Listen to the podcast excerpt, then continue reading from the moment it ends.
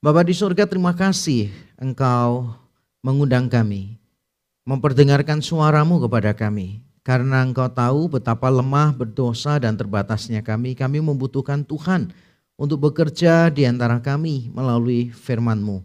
Kami berdoa kiranya rohmu yang kudus menolong kami ya Tuhan, mengerjakan hati kami sebagai tanah yang subur yang siap ditaburi firman Tuhan dan juga menjadi ladang yang permanen bagi firman Tuhan supaya kami bisa menumbuhkan banyak buah untuk kemuliaan Tuhan. Terima kasih kiranya Engkau menolong kami semuanya Kiranya namamu dimuliakan, hatimu disenangkan. Kiranya Injil Yesus Kristus yang benar dan menyelamatkan diberitakan sejelas-jelasnya di antara kami. Terima kasih Tuhan, terpujilah namamu di dalam Kristus Yesus Tuhan. Kami berdoa dan kami mengucap syukur. Amin. Amin. Nah Bapak Ibu saudara sekalian sebagaimana kita yang sudah mengikuti ibadah di awal tahun mengetahui bahwa tahun ini gereja kita mengusung tema togetherness, what we value and do. Kebersamaan, apa yang kita hargai dan apa yang kita lakukan. Nah kita semua juga sudah tahu bahwa nilai-nilai yang dikembangkan di dalam gereja ini adalah TROH, TROH, Togetherness, Respect, Openness, and Hard Work. Kebersamaan, penghargaan, keterbukaan, dan kerja keras. Dan tahun ini kita fokus kepada T, yaitu kepada togetherness.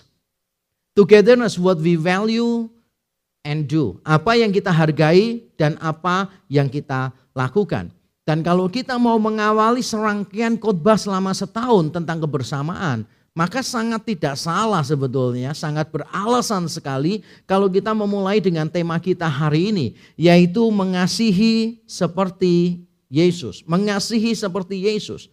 Nah kalau misalnya saya tanya kepada 100 orang Kristen, Seandainya kekristenan itu bisa dirangkum dalam tiga kata misalnya, kira-kira jawaban mereka mungkin akan berbeda-beda. Karena mereka akan mengalami kesulitan memilih tiga kata yang benar-benar sama untuk menggambarkan what Christianity is all about. Tetapi seandainya pertanyaannya saya ganti. Kekristenan dilambangkan, diringkas, dirangkum di dalam satu kata, kira-kira kata apakah itu? Kita hanya boleh memilih satu kata, hanya satu kata. Kira-kira kata apa yang akan muncul? Saya yakin 100 orang Kristen mungkin akan menjawab dengan benar bahwa yang bisa merangkum kekristenan adalah kata kasih atau kata cinta dan itu tepat sekali. Tapi sayangnya itu adalah rangkuman. Seringkali bukan apa yang ditangkap oleh orang luar. Itu hanya rangkuman hanya slogan, tetapi bukan apa yang ditangkap oleh orang luar. Sehingga tidak salah kalau misalnya saya berkata begini, cukup satu kata untuk menggambarkan gereja, yaitu cinta.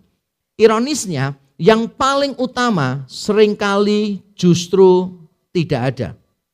Kekristenan dikenal karena kasih. Bagaimana kita tidak dikenal karena kasih? Ditampar pipi kanan kita berikan pipi kiri. Kalau ada orang yang minta jubah kita, kita kasihkan pakaian kita. Atau sebaliknya minta pakaian kita, kita serahkan sekaligus jubah kita. Kalau ada orang yang minta kita berjalan satu mile, kita jalannya dua mile. Bahkan kita diperintahkan untuk mengasihi musuh-musuh kita, untuk mendoakan mereka, untuk memberkati mereka. Bagaimana kita bisa tidak dikenal karena kasih? Bagaimana mungkin orang tidak tahu kalau inti kekristenan adalah cinta. Tapi sayangnya sekali lagi justru yang paling utama sering kali tidak ada. Nah saya yakin kegagalan dalam mengasihi tidak pernah disebabkan oleh kekurangan alasan untuk mengasihi. Alkitab memberikan begitu banyak dan beragam alasan mengapa kita harus mengasihi orang lain. Bahkan kalau saya mau jujur, alasan-alasan kita jika dibandingkan dengan keyakinan-keyakinan lain yang juga mengajarkan tentang kasih kepada sesama, bahkan beberapa mengajarkan kasih kepada musuh juga, saya yakin alasan-alasan kita adalah alasan-alasan yang jauh lebih luhur, lebih mulia.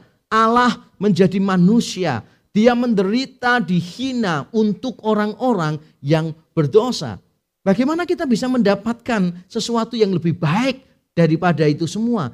Saya yakin kita tidak akan menemukan teladan kasih yang lebih baik daripada itu. Kita memiliki banyak alasan untuk mengasihi. Tapi sayangnya sekali lagi, kita sering kali memilih untuk berdalih. Dan sering kali kita berkata, kita tidak punya alasan untuk mengasihi. Dan hari ini kita akan belajar, kita punya alasan untuk mengasihi dan kita juga akan belajar bagaimana kita mengasihi seperti Yesus Kristus. Mari kita membaca Alkitab kita, Yohanes pasal 15 ayat 9 sampai yang ke-17.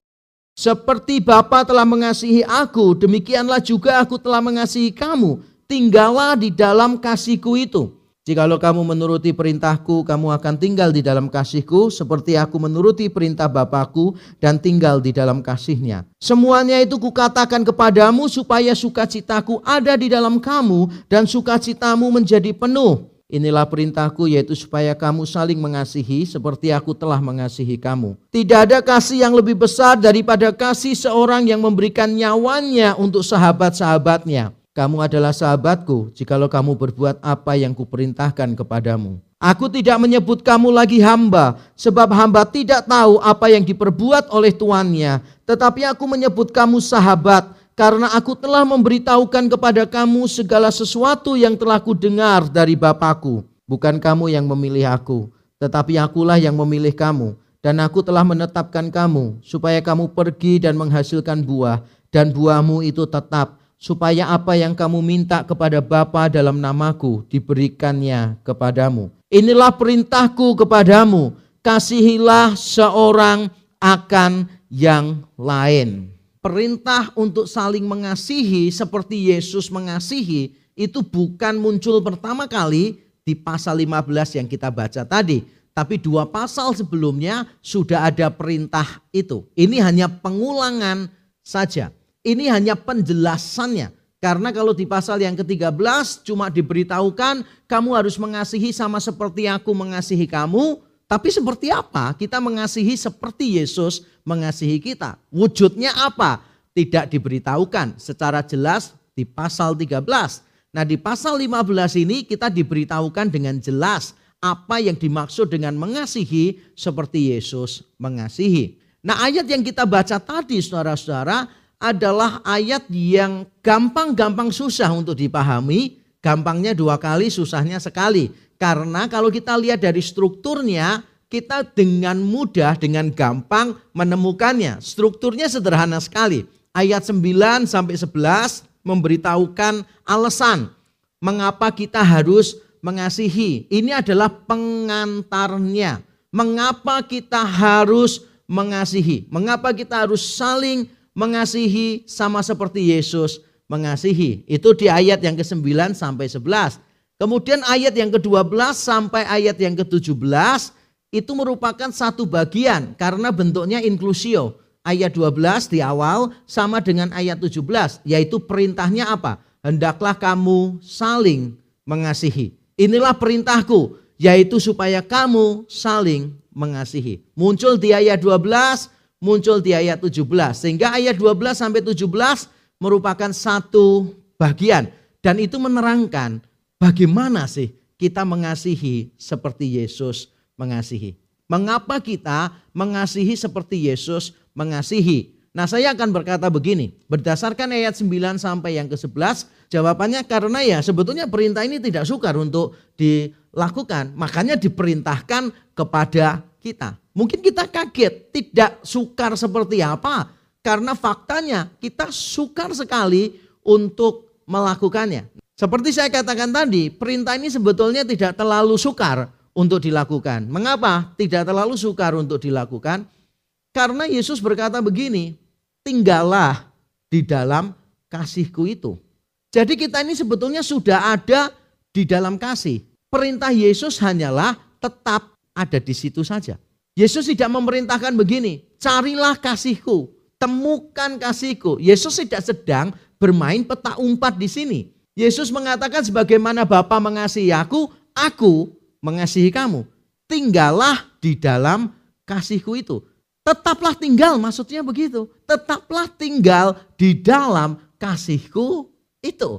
Berarti ini sebetulnya tidak sukar untuk dilakukan. Karena kita sudah ada di dalam kasih Kristus. Beda sekali kalau misalnya kita harus berusaha supaya kita ada di tempat itu. Dengan semua halangan-halangan yang ada, kita bisa mencapai tempat itu. Bukan seperti itu. Kita sudah ditaruh di tempat itu. Kalau misalnya kita ini diperintahkan untuk berada di satu tempat yang aman gitu. Kita diberikan peta dan kita diterangkan dari awal. Ini peta menuju tempat yang aman itu. Tapi di sepanjang jalan ada banyak bahaya. Kamu harus berhati-hati. Misalnya dalam film-film tentang harta karun dan sebagainya. Kita semua tahulah model film-film seperti itu seperti apa. Yaitu kalau kita pergi ke satu tempat ada bahayanya ini, kemudian ada jebakan ini, ada perangkap ini dan sebagainya. Nah walaupun kita punya peta, belum tentu kita bisa sampai dengan selamat ke tempatnya. Kenapa? Karena kita harus berusaha sendiri untuk sampai ke sana. Tapi yang dilakukan oleh Yesus di sini bukan seperti itu. Seolah-olah kita ini sudah ada di tempat yang paling aman. Karena perjalanannya Yesus yang membawa kita. Semua bahayanya Yesus yang tanggung bagi kita. Kita hanya dibawa Yesus di satu tempat yang aman. Dan Yesus berkata begini, tinggal di situ ya. Jangan keluar. Karena di luar kamu sudah lihat tadi, ada begitu banyak bahaya. Kamu tinggal di sini, jangan keluar dari sini. Seharusnya itu mudah bagi kita. Karena kita sudah tahu, hidup di dalam kasih Kristus jauh lebih indah, jauh lebih memuaskan, jauh lebih memberi rasa aman daripada di luar kasih Tuhan. Jauh membawa kedamaian di sana. Dan ketika kita sudah dibawa Yesus melewati semua bahaya, dia sendiri yang pimpin kita dan diletakkan di tempat yang paling aman yang membawa damai, kepuasan dan sebagainya. Dan kita diminta tetap tinggal di situ. Seharusnya mudah sekali kan dilakukan. Ada yang lain lagi yang membuat perintah ini memang benar-benar tidak sukar. Yaitu apa? Karena kita sendiri sudah mengalami. Ada pengalaman secara langsung. Di ayat yang ke-9 tadi dikatakan, seperti Bapak telah mengasihi aku, demikian jugalah aku telah mengasihi kamu. Tinggallah di dalam kasihku itu. Jadi ada pengalaman ini. Yesus itu telah mengasihi kita. Jadi kita telah mengalami kasih Tuhan. Nah karena kita telah mengalami kasih Tuhan, kita tahu betapa indahnya itu, betapa memuaskannya itu, betapa menggenapkannya itu berada di dalam kasih Kristus maka pengalaman itu seharusnya membuat kita bisa melakukannya. Karena memang kita sudah mengalami. Orang yang tidak pernah mengalami mungkin akan sukar untuk menaati. Orang yang belum pernah mengalami mungkin tidak punya gambaran bagaimana seharusnya melakukan. Contohnya misalnya begini, kalau kita mau pasang perabot rumah tangga misalnya begitu kan beberapa waktu yang lalu kami beli beberapa perabot begitu mebel yang baru. Nah begitu lihat manualnya, begitu lihat manualnya, manual itu selalu lebih gampang daripada prakteknya. Selalu lebih gampang.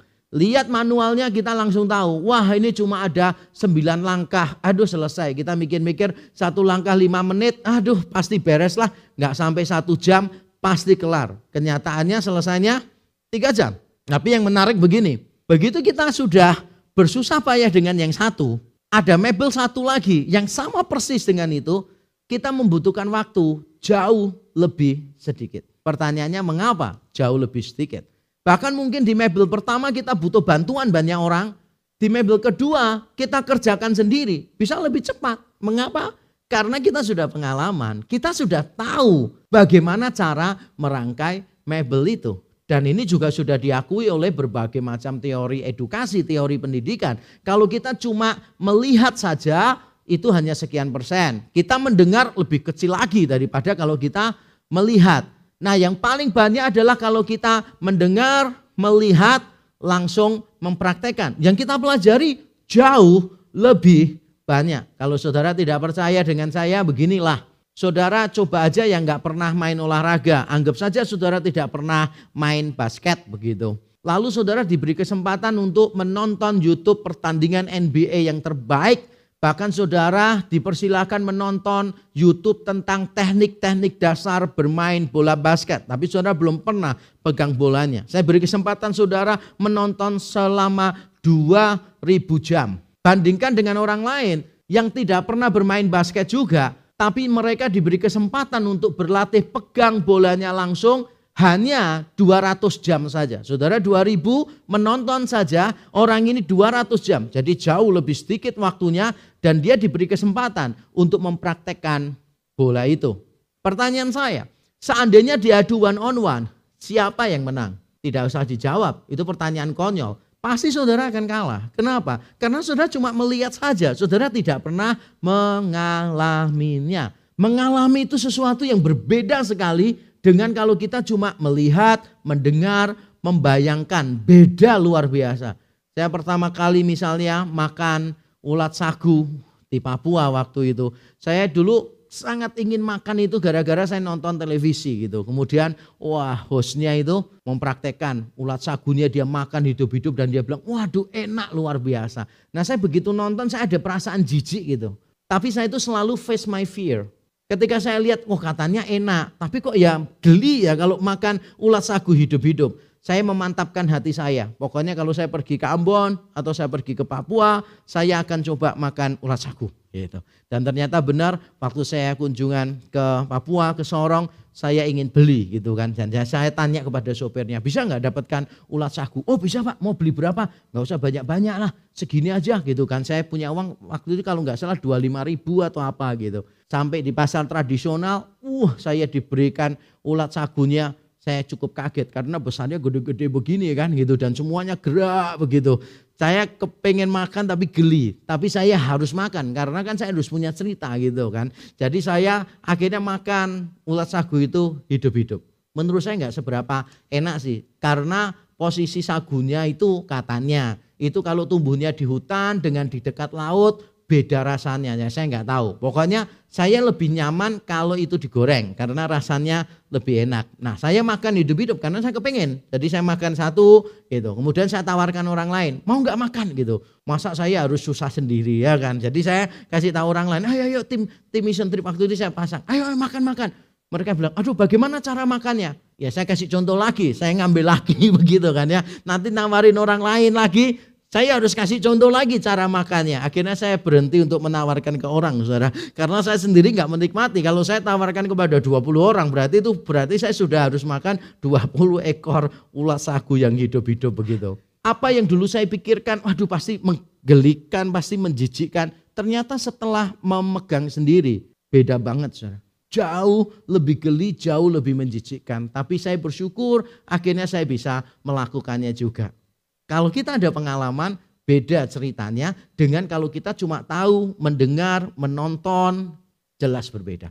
Nah Yesus memberikan kita perintah untuk mengasihi seperti dia mengasihi. Nah dia itu sudah mengasihi kita masalahnya. Berarti benar-benar kita ini sudah ada pengalaman. Dan kita diminta untuk tetap tinggal di dalam pengalaman itu.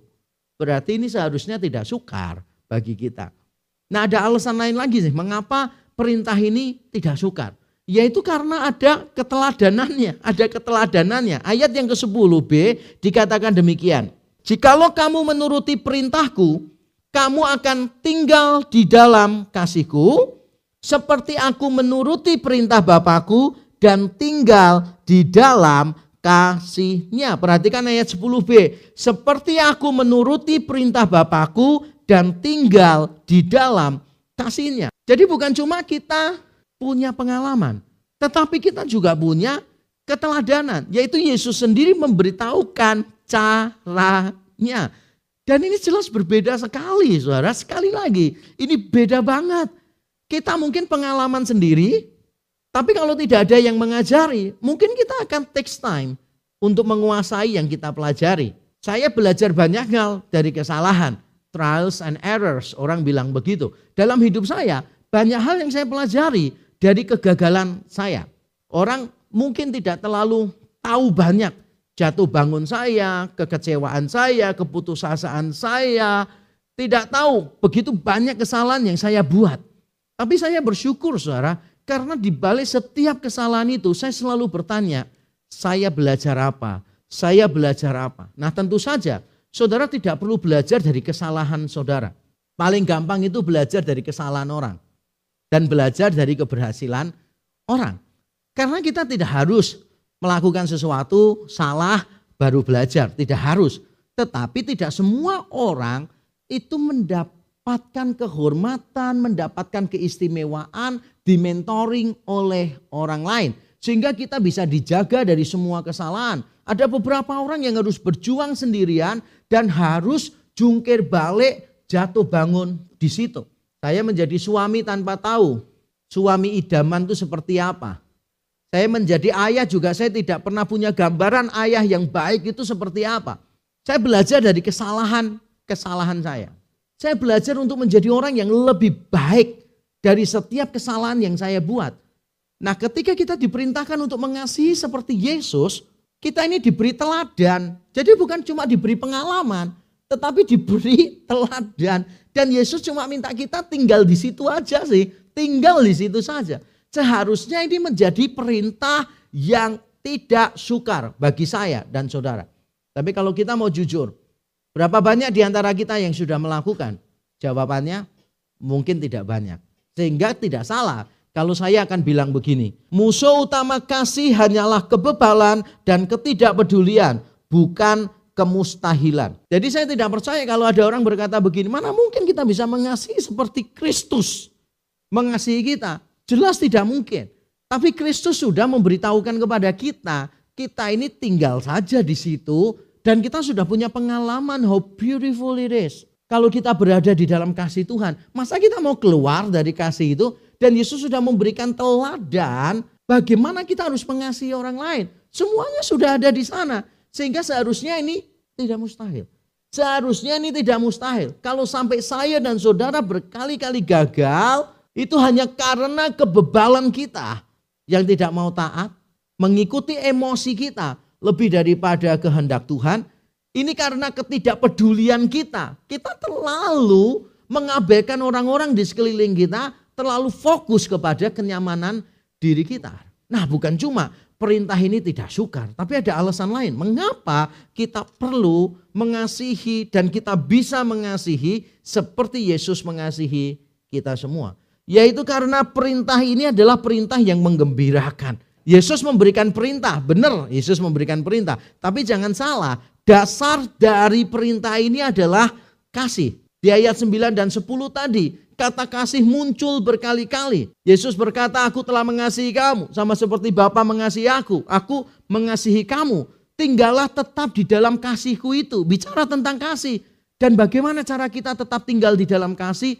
Yaitu kalau kita menuruti perintah Allah. Perintahnya apa? Mengasihi orang lain. Jadi sebetulnya semuanya muter-muter itu masalah kasih. Dan kita tahu bersama, kalau alasan kita tindakan kita itu didorong oleh kasih, semuanya itu jadi ringan. Semuanya jadi ringan. Kalau semua didorong oleh kasih. Mungkin kita dulu yang sempat pasaran begitu kan ya. Kita pasti tahu lah Pacaran itu susahnya setengah mati, tapi rasanya nggak ada yang susah pada waktu pacaran. Saya masih ingat pada waktu saya SMA susah gitu kan ya. Mau makan aja susah, tapi berani-beraninya pacaran dan dapat lagi gitu kan. Sayangnya rumahnya jauh banget dan saya cuma punya uang untuk naik mikrolet jalan ke sana.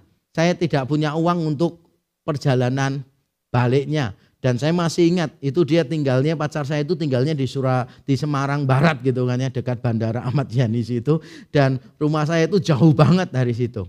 Nah saya jam 9 malam pamit pulang, saya jalan kaki. Aduh lamanya setengah mati, hujan deras lagi kan, Semarang banjir lagi kan. Wah sampai di rumah itu jam 11 malam, setengah 12. Saya pernah mengalaminya. Dan saya merasa bahwa itu gampang-gampang aja sih biasa-biasa aja. Kenapa? Karena pergi ke sana dilandasi oleh cinta. Coba misalnya diganti ke sana untuk kerja kelompok misalnya, bukan di tempat pacar. Untuk persiapan ujian misalnya, sesuatu yang mungkin kita tidak sukai, maka suruh berjalan sejauh itu mungkin kita males deh. Mungkin kita akan cari macam-macam dalih untuk tidak melakukannya. Tapi karena semua cinta, maka kita bisa melakukannya. Semua begitu. Mengapa mama orang banyak bilang ibu itu cintanya satu bisa cukup untuk sepuluh anaknya. Wah, cinta ibu itu sepanjang zaman. Mengapa bisa begitu? Ya karena ibu ini mau berkorban karena dia punya cinta yang besar untuk anak-anaknya. Karena cinta maka semuanya itu jadi sesuatu yang menggembirakan. Karena kita memang menyukainya. Jadi ada orang-orang yang misalnya suka bela diri, memang dia suka bela diri, maka dilatih fisik seperti apa pun, seperti disiksa, dianiaya. Bagi orang lain kan kelihatan seperti disiksa dan dianiaya, tapi mereka benar-benar menikmatinya, benar-benar menikmatinya. Nah, bayangkan ya misalnya ada orang yang suka nge-gym, suka angkat berat dan sebagainya. Nah kalau memang dia suka begitu, ya dia akan menganggap semua beban itu semacam sukacita, semangat gitu kan. Dia lakukan. Mungkin bagi kita yang tidak suka nge-gym, kita mesti akan berpikir, orang ini beban hidupnya kurang berat tak? Sampai ngangkat besi yang berat-berat begitu. Untuk apa sebetulnya hidup kita ini aja di jalan ini sudah cukup berat, ngapain nambah berat lagi? Nah itu karena kita tidak cinta. Kalau cinta, segala sesuatu itu menjadi lebih ringan. Dan Yesus mengatakan, aku ini mengasihi kamu, tinggallah di dalam kasihku. Itulah yang membuat kita bisa menaatinya. Perintah ini perintah yang menggembirakan karena dilandaskan pada cinta, pada kasih. Bukan cuma itu, kasih ini hanya satu hal yang berikutnya adalah perintah ini memang menggembirakan karena diwarnai dengan sukacita.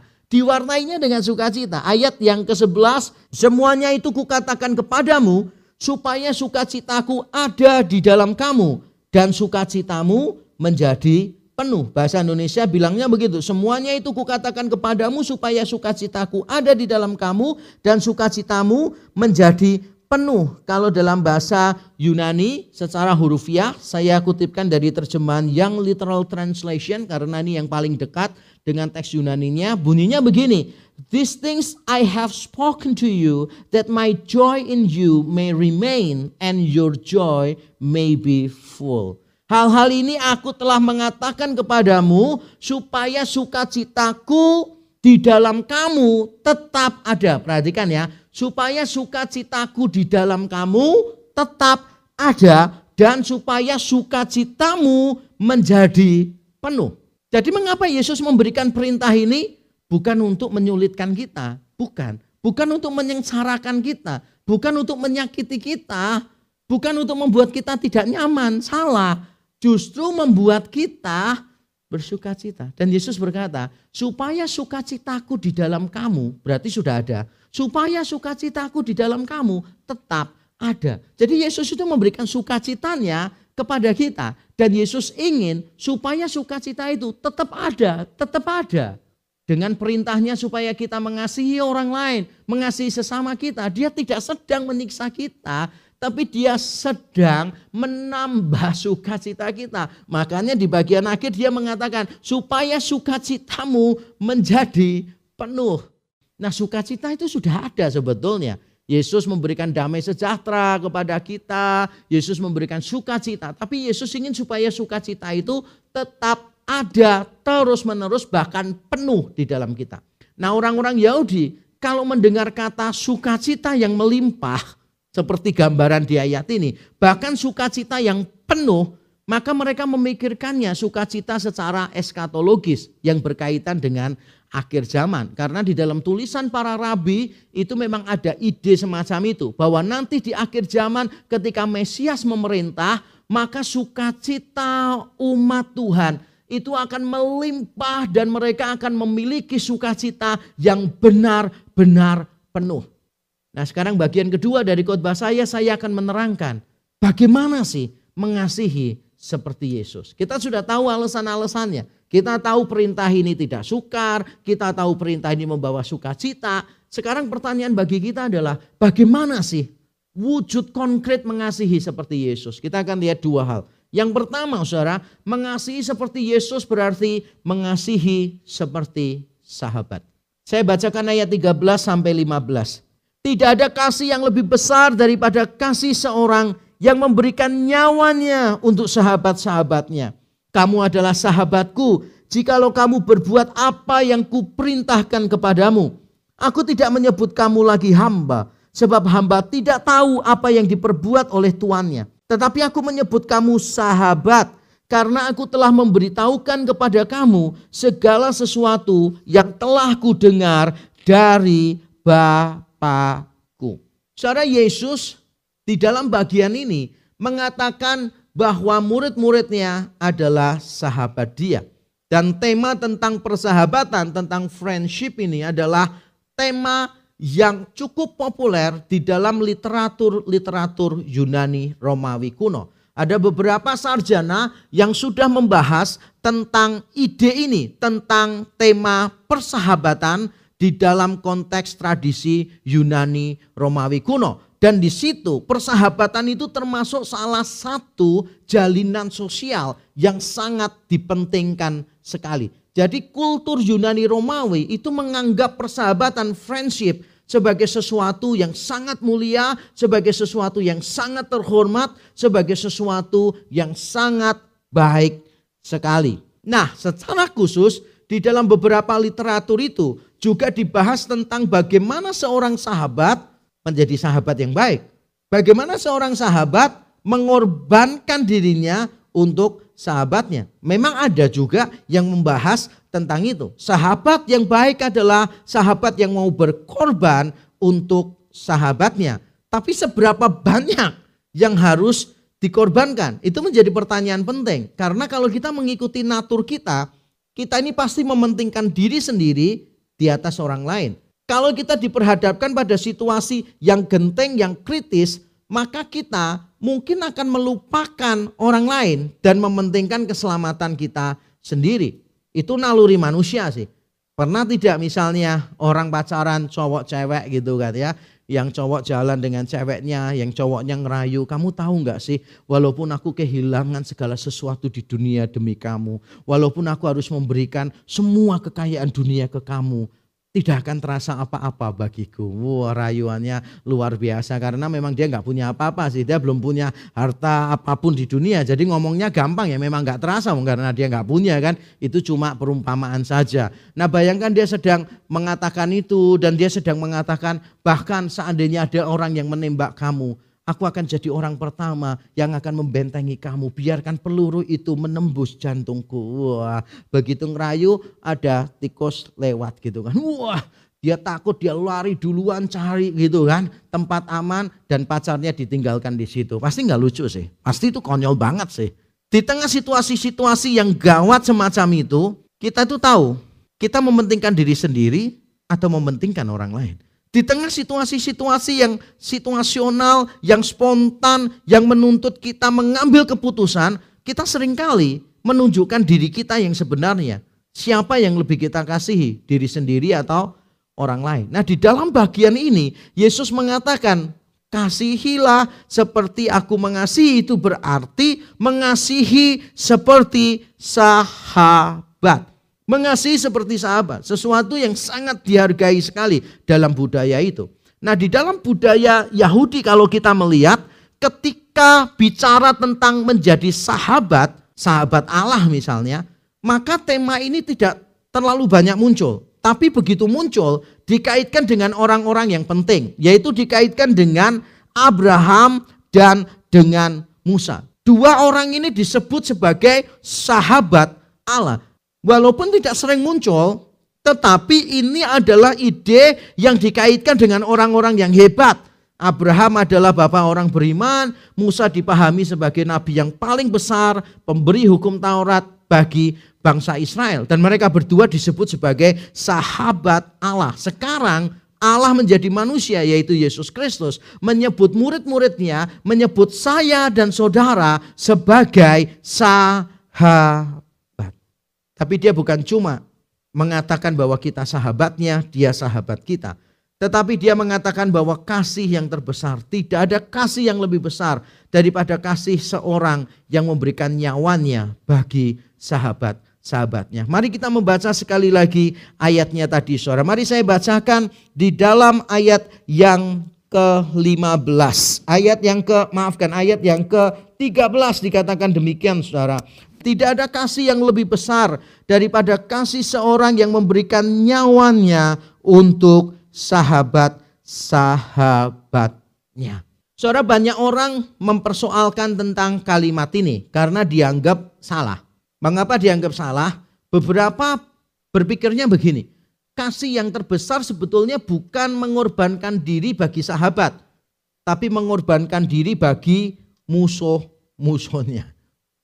Bukan bagi sahabatnya. Kalau bagi sahabatnya ya biasalah mungkin, tapi bagi musuh-musuhnya akan menjadi sesuatu yang lebih wah, lebih spektakuler. Jadi mereka menganggap perkataan Yesus di sini keliru. Tapi menurut saya, tanggapan keberatan penafsiran semacam itu adalah penafsiran yang tidak paham tentang arti metafora dan tentang konteks penggunaannya. Ketika saya memakai perumpamaan-perumpamaan, kita itu harus tahu konteksnya. Karena kalau perumpamaan, ilustrasi, figurasi, metafora, contoh, kalau diceraikan dari konteksnya, maka akan menjadi liar dan bisa disalahpahami. Nah, di dalam bagian ini Yesus ini bukan bicara tentang semua orang, semua jenis relasi. Dia memang sedang fokus pada sahabat yang dikontraskan dengan hamba. Jadi sebetulnya konteksnya Yesus sedang bicara tentang kamu ini murid-muridku, tapi kamu bukan cuma murid, kamu itu sahabat sahabatku. Kamu itu bukan hamba-hamba, kamu itu adalah sahabat-sahabatku. Dan di dalam konteks persahabatan itulah Kasih terbesar yang kita bisa berikan apa? Ya kita mati untuk sahabat-sahabat kita begitu. Jadi jangan salah, misalnya kalau saya misalnya nih baru-baru ini saya makan bersama misalnya dengan dua sahabat saya Pak Bejoli dan Pak Samuel Sugiarto misalnya begitu. Dan saya misalnya menulis, saya menulis bahwa memiliki rekan pelayanan itu bagus, luar biasa. Tapi lebih luar biasa lagi, lebih menyenangkan lagi kalau memiliki sahabat di dalam kehidupan. Nah seandainya saya mengatakan bahwa memiliki sahabat di dalam kehidupan adalah hal yang terbaik yang saya bisa harapkan, saya yakin istri saya tidak akan marah sih. Saya yakin istri saya tidak akan berkata begini, loh yang terbaik di dalam hidupmu kok memiliki sahabat? Harusnya kan memiliki istri. Saya yakin istri saya pahamlah maksudnya apa. Karena saya sedang membandingkan antara memiliki rekan dalam pekerjaan dengan memiliki sahabat di dalam kehidupan. Di dalam konteks perbandingan itu tentu saja yang kita pilih yang kedua. Saya tidak sedang membicarakan tentang semua orang, tentang semua jenis relasi. Jadi tolong kita pahami baik-baik. Apa yang dikatakan Yesus di sini memang benar dia sedang mengontraskan murid-murid. Dia kamu bukan cuma murid, kamu sahabat. Dia mengontraskan sahabat dengan hamba. Kamu bukan hamba, tapi kamu sahabat. Di dalam konteks itu, kasih terbesar adalah berkorban untuk sahabat. Jadi kalau kita mau mengasihi seperti Yesus mengasihi, berarti kita memperlakukan orang lain sebagai sahabat kita yang kepadanya kita itu menginvestasikan waktu, menginvestasikan perhatian, menginvestasikan banyak hal untuk sahabat-sahabat kita. Karena kalau kita tidak ada kedekatan, ya percuma disebut best friends, disebut teman dekat, teman akrab gak ada gunanya. Kalau tanpa kedekatan, harus ada yang kita korbankan, investasi pikiran, tenaga, waktu, dan sebagainya. Tapi bukan cuma itu poinnya. Kalau kita mengasihi orang lain seperti Yesus, berarti mengasihi orang lain sebagai sahabat. Dan itu berarti, ini dia penting, berarti kita tidak memperlakukan dia sebagai hamba. Bedanya apa? Yesus berkata begini, saya bacakan ulang tadi di dalam ayat yang ke-15. Sekarang mari kita melihat ayat yang ke-15. Dikatakan demikian di ayat yang ke-15. Aku tidak menyebut kamu lagi hamba. Sebab hamba tidak tahu apa yang diperbuat oleh tuannya. Tetapi aku menyebut kamu sahabat. Karena aku telah memberitahukan kepada kamu segala sesuatu yang telah kudengar dari Bapakku. Bedanya apa hamba dengan sahabat? Kalau hamba itu hanya melakukan saja tanpa tahu mengapa. Pokoknya dia lakukan. Hamba ada untuk melakukan perintah. Tetapi sahabat berbeda. Sahabat itu ada untuk menerima perbincangan, mengungkapkan perasaan, tempat menumpahkan keluhan dan sebagainya. Yesus mengatakan aku tidak menyebut kamu hamba, sebab kalau hamba itu cuma tahu satu hal, duit, duit, duit, duit bahasa Inggris ya. Lakukan ini, lakukan ini. Bukan dalam bahasa Indonesia. Do do it. Bukan. Tapi hanya lakukan. Lakukan, lakukan, dan lakukan. Itu hamba. Tugasnya hamba cuma begitu. Tetapi kalau sahabat tidak seperti itu. Sahabat itu berarti kita mengenal satu dengan yang lain. Membuka diri satu dengan yang lain. Misalnya saudara yang punya bisnis misalnya, saudara punya rekan bisnis dan itu sahabat saudara, saudara kongsi di dalam bisnis itu. Tentu saja hubungan saudara dengan teman bisnis berbeda dengan hubungan saudara dengan sopir pribadi saudara atau sopir perusahaan. Sopir perusahaan itu kalau diomongin, Pak pergi ke sini ya Pak ya, gitu. Nggak ada sopir itu berani tanya, kenapa harus ke situ? Kenapa nggak ke sini? Loh, soalnya saya ada perlu di sana. Perlunya apa? Saya perlu tahu dulu. Gitu. Kalau saya nggak setuju, saya nggak mau ngantar. Saya yakin tidak ada sopir semacam itu, tidak ada. Karena memang sopir ada, bukan berarti saya merendahkan jabatan sopir, bukan. Karena sopir itu bukan sahabat dari pemilik. Yang jadi sahabat pemilik itu ya rekan bisnisnya dia ini. Nah kalau dengan rekan bisnis, maka dia perlu memberitahu mengapa dia pergi ke sana, mengapa dia perlu ketemu orang ini. Misalnya, dia perlu membicarakan mengapa perlu kerjasama dengan orang ini, mengapa perlu pergi ke satu tempat untuk transaksi, untuk membicarakan keperluan-keperluan bisnis yang lain. Jadi saudara paham dengan apa yang dimaksud Yesus di sini. Kalau kita mengasihi seperti Yesus mengasihi, berarti kita mengasihi orang lain seperti sahabat. Berarti bukan cuma kita berkorban bagi orang itu, Bukan cuma kita dekat dengan orang itu, tetapi kita juga benar-benar tahu isi hati orang itu. Saya ingin supaya jemaat di tempat ini, semua hamba Tuhan di tempat ini, semua penata layan dan aktivis di tempat ini membangun kedekatan seperti sahabat, saudara, supaya kita benar-benar mengerti apa yang kita lakukan. Itu bedanya hamba dan sahabat. Sahabat tahu why, tapi kalau hamba cuma tahu what, what to do, bahkan how to-nya itu harus diberitahu, diperintahkan. Tapi kalau sahabat selalu tahu why dan kita tahu betapa besarnya kekuatan dari sebuah why, dari sebuah mengapa. Kalau kita sudah tahu mengapa kita melakukan sesuatu, maka kita melakukannya dengan cara yang berbeda. Yang kedua saudara mengasihi seperti Yesus itu berarti mengambil inisiatif untuk kebaikan orang lain. Mari kita membaca ayat yang ke-16. Ayat yang ke-16 saya bacakan. Bukan kamu yang memilih aku tetapi akulah yang memilih kamu. Dan aku telah menetapkan kamu supaya kamu pergi dan menghasilkan buah. Dan buahmu itu tetap supaya apa yang kamu minta kepada Bapa dalam namaku diberikannya kepadamu. Saudara dalam khotbah kali ini saya tidak mau menyinggung mengaitkannya dengan doktrin predestinasi atau election pemilihan dari kekal. Saya percaya Alkitab secara konsisten mengajarkan kepada kita memang bukan kita yang memilih Allah tapi Allah yang memilih kita. Bukan kita yang mencari Allah tetapi Allah yang datang untuk mencari kita. Bukan kita yang mengasihi Allah tapi Allah yang lebih dulu mengasihi kita. Tapi saya tidak mau bicara panjang lebar tentang itu. Saya mau lihat kalimat Yesus ini dalam kaitan dengan konteksnya. Ketika Yesus bicara tentang dia sebagai sahabat bagi murid-muridnya, sekaligus dia guru bagi murid-muridnya, kalimat ini dalam budaya Yahudi mungkin cukup mengagetkan kita. Bukan cuma budaya Yahudi sih sebetulnya, tapi di dalam budaya yang lain mungkin juga mengagetkan. Karena kita tahu bersama guru dan murid.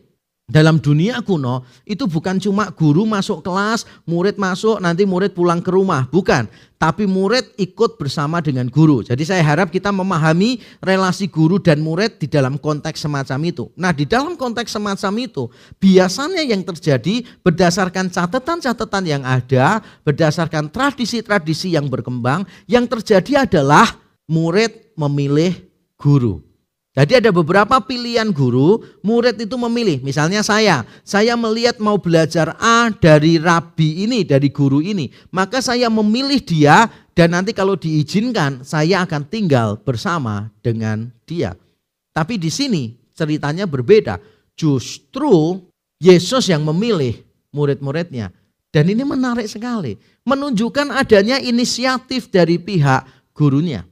Saya masih ingat saudara ketika dulu saya masih mengambil S2 awal di Mojokerto, waktu itu kalau saya ngambil kuliah itu sebulan sekali, intensif lima hari, semua profesornya dari luar negeri. Nah suatu ketika saya ngambil mata kuliah ketiga atau keempat, mengambil mata kuliah perjanjian baru.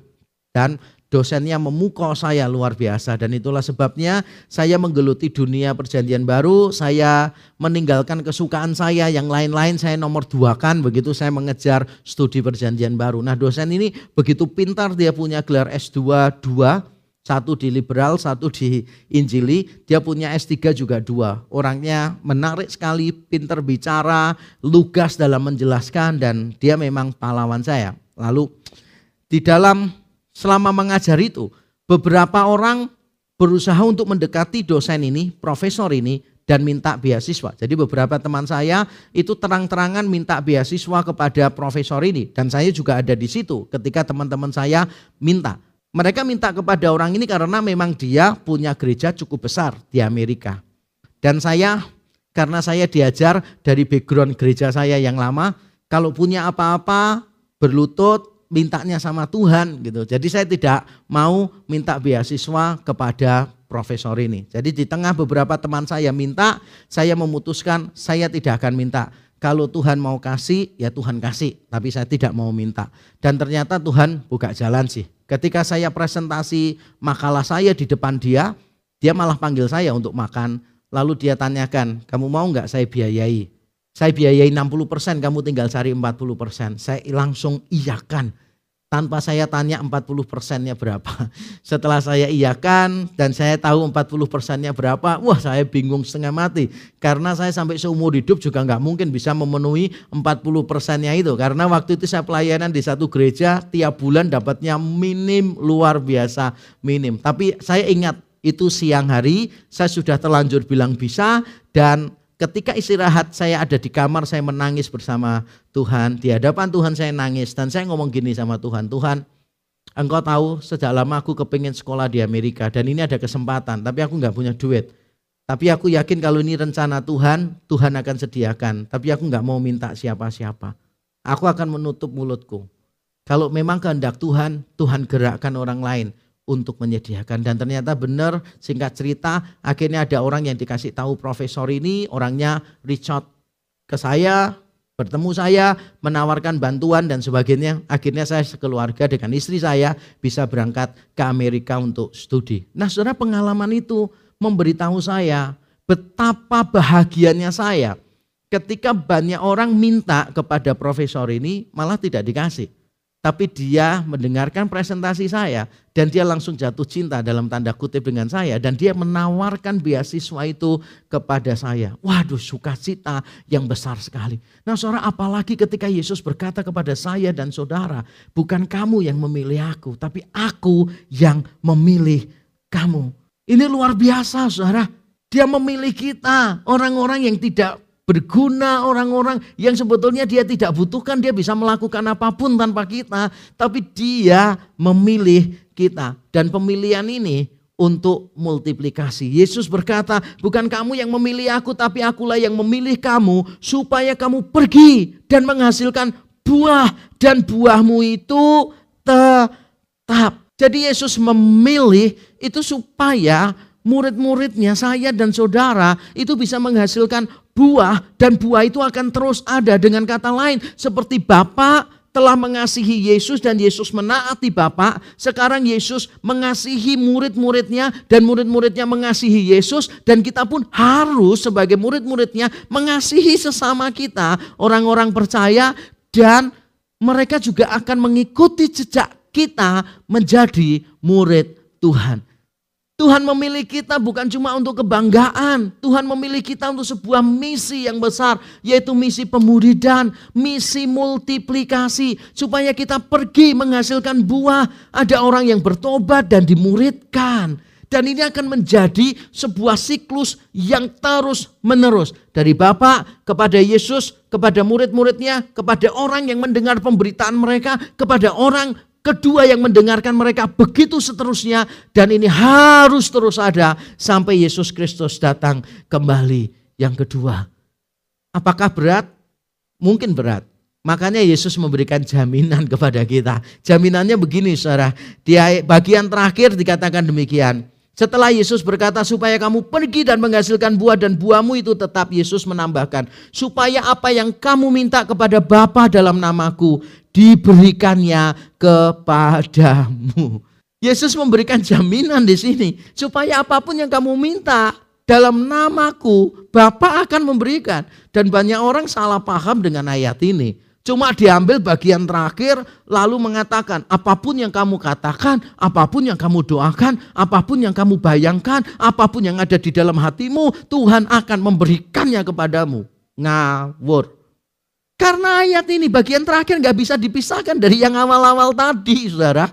Yesus memilih kita dengan anugerahnya supaya kita menghasilkan buah yang banyak. Supaya kita memuridkan orang lain dan terus menerus siklus ini tidak pernah berhenti. Lah kalau kita meminta untuk kekayaan, keberhasilan untuk semua yang duniawi, ayat ini tidak berlaku. Nah saya ingin menutup khotbah ini dengan beberapa kalimat. Jika Tuhan memerintahkan, dia pasti akan memampukan. Tugas kita hanya menunjukkan kemauan. Nah saya tidak tahu bagaimana saudara tadi mendengarkan pemaparan saya. Mungkin saudara excited begitu. Langsung percaya mengamini. Atau saudara mungkin berkata aduh rasanya kok tetap berat ya. Rasanya mustahil. Saya ingin berkata jika Tuhan memerintahkan dia pasti akan memampukan. Tugas kita hanya menunjukkan kemauan. Mau nggak kita?